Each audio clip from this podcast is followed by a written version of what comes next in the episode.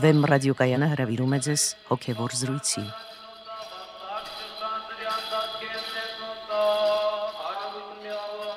Սիրելի ունկնդիրներ, Վեմ ռադիոկայանի եթերում են արժանապատիվ Տեր Մեսրոպ Քահանա Արամյանը եւ Արա Սարգսակյան Նարչաջյանը։ Այսօրվա մեր զրույցի թեման է իշխանություն։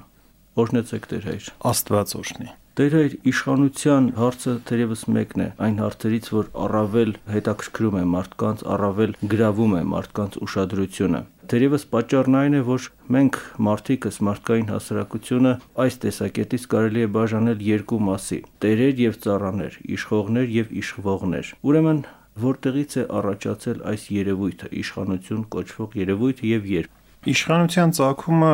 ունի որոշակիորեն աստվածաշնչային հիմք։ Այսինքն նախ եւ առաջ դա երևում է արարչագործության մեջ, երևում է այն հանգամանքից, որ արդեն իսկ երկնքում կա որոշակի նվիրակարգություն կամ նվիրապետություն, այսինքն իշխանական կառույց, եւ դրա արտացոլանքը պետք է լինի նաեւ մարդկային բնության մեջ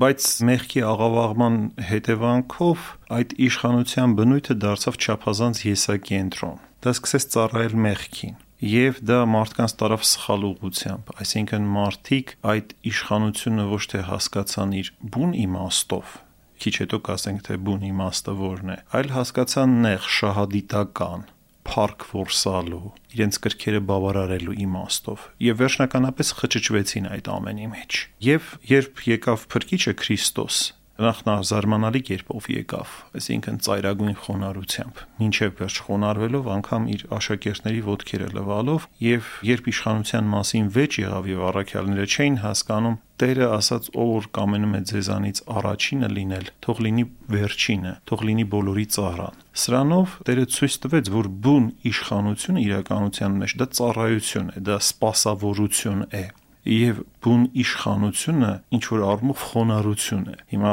կարող է զարմանալի հնչի ասածս այսօրվա իշխանավորների համար կամ մարդկանց ովքեր որ ձգտում են իշխանության։ Ճշմարիտ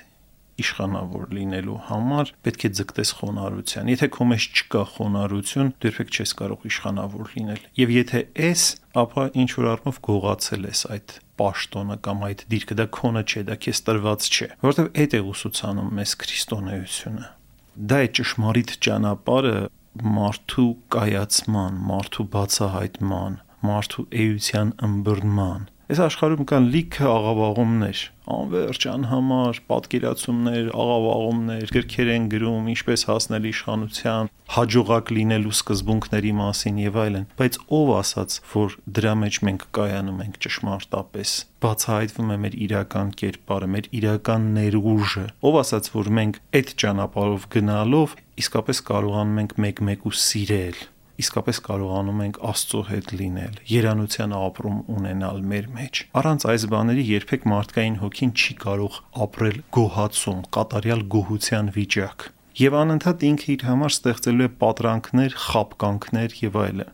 Եվ վերջո այդ իշխանության ձգտումը այդ փարթամության ձգտումը, այդ հարստության ձգտումը պետք է հասկանալ, որ աղավաղված ֆունդամենտալ փնտրում է մարդու մեջ ասեմ թե ինչու, որովհետև մարդը ստեղծված է այդ ճոխ վիճակի համար, բայց ինքը չի հասկանում թե իր իրական ճոխությունը ո՞րն է որտեղ մարդու մեջ կա դրախտային հիշողություն, որտեղ դրախտի մեջ մարդը հարուստ էր, ճոխացած էր ամեն տեսակ բարիքներով։ Այսինքն դա բնական վիճակ է մարդկային հոգու համար։ Եվ ահա սատանան տալիս է կեղծ պատրանքներ, թե ինչպես փոխարինել այդ հոգևոր բարիքները, այդ կատարելությունը աշխարհիկ կեղծ պատրանքներով կամ նմանակումներով, կեղծիկներով, ոչ թե իրականությամբ, այլ կեղծ պատճեններով։ Եվ այս առումով պետք է զգուշանալ, որպեսզի մենք մեր հոգու, մեր էության այդ ֆունդամենտալ փնտրումը փոխարինենք այդ ֆունդամենտալ փնտրումը նմանակող կեղծիքով։ Ուրեմն ինչ ասել, իշխանության ձգտումը բարի է թե չար։ Եթե ասվածներից կարելի է եզրակացնել, թե իշխանության ձգտումը բարի չէ,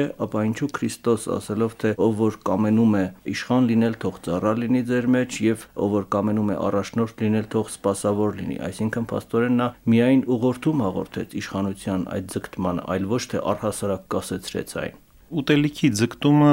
բարի է, եթե դա կատարվում է մարմնավոր պետքերի համար, բայց եթե դա կատարվում է որկրամոլության համար, դա չար է։ Մարմնավոր հանգստի ձգտումը կարևոր է, դա բնական է մարդու համար, բայց եթե դա վերածվում է ծուլության, դա չար է եւ այլն։ Նախ ամեն ինչ պետք է լինի իր բնական կտրվածքով իր ճիշտ կտրվածքով այսինքն ճիշտ ձևով դա պետք է անենք իսկ դա ճիշտ ձևով անելու համար պետք է հասկանանք թե ինչ չափումներ կան այդ իշխանության մեջ որն է դրա էությունը եթե հասկացանք որ դրա էությունը խոնարհությունն է ուրեմն խոնարհությամբ պետք է ձգտենք այսպիսի ձգտումը բարի է իսկ ինչ է նշանակում խոնարհությամբ ձգտել դա նշանակում է որ դու քո անձը չես քշում առաջ ոչ թե ինքդ քեզ ես մատուցում, այլ դա կատարում է ինչ որ առումով ուրիշների խնդրանքով եւ ուրիշների հորդորով, այսինքն մարդիկ տեսնում են նման օրինակ ձիրքեր քո մեջ, տեսնում են որ դու այդպիսի կոչում ունես, որտեղ դա կոչման հարց է ի վերջո, եւ քեզ առաջարկում են լինել։ Այդ ժամանակ խոնարհություն է նաեւ համաձայնվելը ինչպես նաև ճուզենալը, բայց համաձայնելն էլ է խոնարհվել, որովհետև դու ի վերջո ուրիշների կամքը գերադասում ես քո կամքից։ Եվ եթե դա հավաքականության արդեն կամքն է եւ դրսեւորումն է, նաև դու տեսնում եւ զգում ես, որ դա աստվածահաճո է քեզ համար, այդ դեպքում այդպիսի ձգտումը բարի է։ Բայց երբ որ դու դա կատարում ես այլ իմաստով, այլ մտադրությամբ, այլ դրթումներով, այսինքն փող դիզելու, կաշառք ուտելու եւ այլն եւ այլն, այսինքն նաեւ կոչված չես դրա համար։ Չունես այդ կոչումը, որովհետեւ իշխանությունը ենթադրում է որոշակի նաև կարողություններ, կառավարման կարողություններ։ Ամեն մարդ չէ, որ այդպես է ստեղծված։ Շատ մարդիկ կան, որոնք չունեն այդ ձիրքը։ Իրենց համար շատ ավելի հեշտ է, որպեսի իրենք կառավարվեն։ Այսինքն ստանան ճիշտ արդար հրամաններ, արդար հրահանգներ եւ կատարեն դրանք։ Իրենք շատ իրենց հոգեբանորեն հանգիստ են զգում այդպիսի վիճակում։ Ընդհակառակ, եթե տաս նրանց իշխանությունն են խոճապի կմատնվեն կամ կսկեն սխալ քայլեր անել։ Դա ամեն մարդու տրված չէ։ Ինչպես, չգիտեմ, մարդը ունի երաշտական ունակություններ կամ այլ տիպ մաթեմատիկական ունակություններ կամ այլ տիպի կամ մարմնի կառուցվածք ունի, սպորտային ինչ որ ունակություններ ունի։ Այդպես էլ իշխանության հարցն է։ Ամեն մարդու բան չէ դա Եվ շատ մարդիկ են դրա վրա ատամները կորցրել։ Շատ մարդիկ են մտել այդ իշխանության մեջ եւ որպես ծամածրված գաճաճներ դուրս եկել այդ իշխանությունից։ Պետք է շատ զգուշ լինել այդ առումով եւ ուշի ուշով հասկանալ դա քո ճանապարհն է, թե քո ճանապարհը չէ։ Ես կարծում եմ միանգամայն սխալ եւ կործանարար բան է իշխանությանը որպես բիզնես մոտենալը։ Այսինքն օրինակի համար կաշառքով գալը եւ նաեւ այդ իշխանությունը վերածել կաշառակերության մի միջոցի եւ դրանով հարստահարել ժողովրդին եւ ոտնահարել մարդկանց տարական իրավունքներ։ Դա սոսկալի բան է։ Նայած թե մենք ինչպես ենք ձգտում այդ իշխանությանը։ Եթե մենք մաքուր կերպով ենք գնում դեպի դա, եւ չենք գերադասում մեր կամքը, այլ տեսնում ենք, որ դա ինչ որ առումով մարդկանց ցանկության արդյունք է։ Տեսնում ենք, որ Աստծո բարեհաճությունը կա դրա վրա։ Դա կարելի է տեսնել, եթե մենք մաքուր կերպով ենք դրան մոտենում, ապա այդպիսի ձգտումը միանգամայն բարի է, որովհետև այդ իշխանությունն էլ պետքություն ունի, այսինքն կարիքը կա այդ իշխանության, որովհետև ինչպես ասացի, մարդիկ կամ մարդկային կյանքը կառավարման կարիք ունի, մարդկային կյանքը չի կարող քաոսի վերածվել։ Այսինքն պետք է լինեն օրենքներ, պետք է այդ օրենքները հսկվեն, պետք է որոշակի կանոններ դրվեն եւ այլն։ Այդ ամենը պետք է ուշի ուշով պաշտպանվի։ Այսինքն կա կարիք իշխանության մարդկային կյանքում։ Դերհեշ, դուք խոսեցիք այն մասին, որ սխալ է, վատ է, երբ մարդիկ իշխանության են ձգտում միջոցների միջև խտրություն չդնելով, բայց չէ որ պատմության ընթացքում հենց հիմնականում այդպիսի մարդիկ են հասել իշխանության, ովքեր միջոցների մեջ խտրություն չեն դրել, թե աշխարհիկ իշխանության եւ թե նաեւ ինչու՞ չէ հոգեվոր իշխանության։ Այդպես չէ մենք կարող ենք այլ օրինակներ բերել եւ օրինակները առավել հիշվող օրինակներն են առավել օրինակելի օրինակներն են օրինակ Ներսես մեծի օրինակը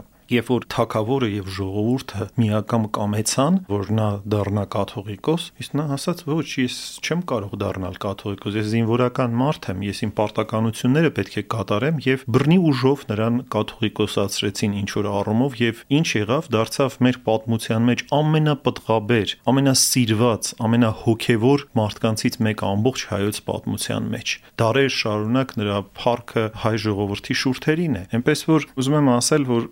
այդպես պետք է լինի եւ նաեւ մարդիկ պետք է կարճաշ չլինեն այդ իշխանությանը օրինակ ասենք տեսեք Հովանես Օձնեցու օրինակը ինչպիսի փառք ուներ ինչ սիրված է ժողովրդի կողմից բայց եկավ ժամանակ եւ նա որոշեց միայնանալ եւ իշխանությունը հանձնեց իր հոգեվոր զավակին Դավիթ կաթողիկոսին նրան օծեց եւ ինքը քաշվեց Հռոմայր կոչված ուրեմն այդ ճգնավայրը եւ այնտեղ մինչեւ իր կյանքի վերջը անցկացրեց ճգնությունների մեջ եւ նույնը մենք տեսնում ենք Գրիգոր Լուսավորիչի պարագային, որ իր որդուն Արիստակեսին նստեցրեց գահին, անգամ երբ որ նույնիսկ Նիկիո տիեզերական ժողովից հրավեր ստացավ, նախընտրեց առանձնությունը, քան ժողովին գնալը։ Եվ վերջո նաեւ զարմանալի կերպով մահացավ, նկատի ունենալով, որ կարող է մարդկանցից հատկապես փառավորվել, նախընտրեց անհայտության մեջ մահանալ, որ ոչ ոք չիմանա իր տեղը, որտեղ է մահացել։ Հետո հրաշալի կերպով եղավ նրա գյուտը նշխարած, որը որ մենք տոնում ենք որպես մեր եկեղեցու մեծ տոներից մեկը։ Այս սուրբերի օրինակը մեզ ցույց է տալիս, թե ինչ է ճշմարիտ իշխանություն եւ ինչպես պետք է դրան վերաբերվել։ Այսինքն դա մի բան է, ծառայություն է, դա պարտականություն է Աստծուց տրված, որը իրագործելու համար դու պետք է իմանաս, թե ինչ է խոնարհությունը, պետք է խոնարհվել իմանաս այլապես դա կվերածվի բռնության։ Տեսեք, որտեղ է իշխանության եւ բռնության սահմանը, որտեղ է արդարադատության ու անարդարության սահմանը սահմաններ կան, չէ՞ որ ինչ որ բան խախտեցիր, արդեն լրիվ ուրիշ բանի է վերածվում։ Այսինքն արդարադատության վրա նստելով անարդարադատությամբ ես զբաղվում։ Իշխանության վրա նստելով արդեն բռնությամբ ես զբաղվում։ Մարդկանց իրավունքները ոտնահարելով ես զբաղվում։ Ուրեմն սրանք շատ նուրբ խնդիրներ են, եւ ամեն մի իշխանավոր պետք է իրեն քննի։ Պետք է ամեն օր նայի իր վրա եւ հասկանա ինքը իսկապես ունի խոնարհություն մարդկանց նկատմամբ թե ոչ։ Հիմա ծամածռությունների օրինակներ էլ շատ կան, ես չեմ ասում, որ դրանք չկան, շատ կան, բայց մենք պետք է հասկանանք, որ աշխարհը նաեւ համաձայն Սուրբ գրքի խորապես ընկղված է մեղքի մեջ եւ այդ մեղքը ինքն իրեն նաեւ վերարտադրում է, ուրեմն այս աշխարհում կա նաեւ ճարիքի երևույթը եւ երբեմն սոսկալի մասշտաբների հասնող ճարիքի երևույթը, բայց մենք երբեք չպիտի այդ ճարիքը դարձնենք չափանիշ մեզ համար եւ չպայքարենք այդ ճարիքի դեմ Փառք Աստծո, այս աշխարհում 2 միլիարդ մարդ կա, որը այսպես թե այնպես հետևում է քրիստոնեական ճշմարտություններին։ Այսինքն 2 միլիարդ մարդ այս աշխարհում դեռ իրեն համարում է քրիստոնյա։ Լավ, վատ, ուղիղ, ծուռ եւ այլն։ Ի վերջո այսքան մարդ այս կամ այն կերպ զգում է կամ գիտակցում է դրա ճշմարտացիությունը։ Ուրեմն նշանակում է դեռ վաղ է մտածել, որ քրիստոնեության վրա մեղքը վերջնական հաղթանակ է տարել։ Ես կարծում եմ դեռ պայքարի բավականին լուրջ ճանապարհ կա եւ ասպարես կա։ Աստվածաշունչը մանավանդ նոր կտակարանը եւ մասնավորապես առաքելական թղթերը բազմիցս անդրադառնում են իշխանության խնդրին, տերեր ծառաներ հարաբերության խնդրին։ Խնդրեմ բարձաբանեք ամփոփելով Սուրբ գրային արտահայտությունները, թե ինչպիսի դիրքորոշում, ինչպիսի տեսակետ պետք է ունենան այս երկու կողմերը, սրանցից յուրաքանչյուրը՝ իշխողները եւ իշխվողները։ Բազմաթիվ խրատներ կան եկեղեցու հայրերի կողմից ուղված իշխանավորներին, ծառայողներին, զինվորներին, կանանց եւ այլն, եւ կարելի է հետեւել այս խրատներին հատկապես, ասենք, ինչ որ կա շատ པարս կերպով շարադրված Սուրբ ներսե շնորհալու թուղթ ընդհանրականում Եղ կա խրատներ ուղված վանականներին, հոգևորականներին, իշխաններին, ծառաներին եւ այլն։ Բայց բոլորի հիմքում նորից նույն բանն է դրված։ Բոլորի հիմքում։ Եթե ճունենաս խոնարհություն, կապ չունի իշխանավոր ես թե ծառա ես։ Եթե ճունենաս փչացնում ես դու արդեն ամեն բան։ Եթե ճունենաս սեր քո գործի նկատմամբ, այսինքն այդ ծառայությունը կամ սпасավորությունը, որ դու անում ես սիրով չանես, կամ իշխանավորը իր գործը սիրով չանի, ապա կարող ես ամեն բան փչացնել եւ աղավաղել։ Եվ ամեն բանի աղավաղման հիմքը հենց մեղքն է։ Իսկ մեղքի հիմքում էլ դրված է եսասիրությունը եւ եսամոլությունը։ Այսինքն դա տված չէ այդ ամենը քեզ, որպեսի դու դրանով ինչ-ինչ նեղ մարդկային խնդիրներ լուծես։ Ես չեմ ասում, որ այդ խնդիրների լուծումը կարևոր չի, որովհետև յուրաքանչյուր մարդու համար շատ կարևոր է իրագործվել այս կյանքում, բայց այդ իրագործումը սխալ պետք չէ հասկանալ։ Իրագործում չպետք է հասկանալ մարդկանց վրա բռնանալ կամ մարդկանց վրա իշխել կամ դրանից յուրահատուկ հաճույք ստանալ։ Այդ իրագործումը հենց այդ քեզ տրված հնարավորությամբ կամ քեզ տրված դիրքով մարդկանց մեջ արդարություն ծառայություն գործելն է։ Այդ դա է, որ իսկապես քեզ կազատագրի։ Սա է, որ պետք է հասկանա իշխանավորը։ Իսկ այն մարդը, որը որ ծառայության մեջ է, ինքն էլ պետք է հասկանա, որ այդ գործը, որ իրեն տրված է, ինքը պետք է սրբությամբ, պատրաստակամորեն, խոնարհությամբ եւ ուրախությամբ կատարի։ Եվ յուրաքանչյուր գործ, որ մարդը ընդհանրապես այս աշխարհում կատարում է, պետք է կատարի ուրախությամբ եւ սիրով։ Այլապես այդ գործը կամ այդ իրավիճակը իր իսկ վրա դառնում է մեծագույն բռնություն։ Եվ մարդը հայտնվում է հոգեպես շատ ծանր վիճակում այսինքն չի սիրում իր գործը, այդ գործը դառնում է իր համար բռնություն, նախանձով է լցվում նրա նկատմամբ, ով իրենից վերև է եւ այլն։ Նախանձի մեջ էլ կան տարբեր զանազանություններ, կա բարի նախանձ, երբ որ դու ձգտում ես ավելինին եւ հասնում ես դրան, բայց կա նաեւ չար նախանց, կույր նախանց, որ ասում ես ինչի է այսպես, ես այսպես եմ, նա այսպես է։ Բայց ժամանակակից նաեւ հասարակության մեջ այդ տերի եւ ծառայի պատկերացումն է սկսում է տեղաշարժվել նաեւ ես չեմ կարծում որ այդ կլասիկ պատկերացումն է տերերի եւ ծառանի թեպետ դա հիմա մերօրյա նորօրյա այսպես հարստացած մարդկանց մեջ այդ ցուցամոլությունը եւ այլն չափազանց ընդգծված է բայց արևմտյան աշխարհում դա ցույց տալը համարում է մեծագույն ամոթ ընդհանրապես ընդգծելը քո հարստությունը կամ իշխանությունը որևէ միջավայրում, որևէ մարդու մոտ համարում է գրեհիկության բարձրագույն ցուցանիշ։ Շնորհակալություն Տեր հայր, թույլ տվեք սրանով եզրափակել մեր այսօրվա զրույցը իշխանության մասին։ Օրհնեցեք Տեր հայր։ Աստված օրհնի։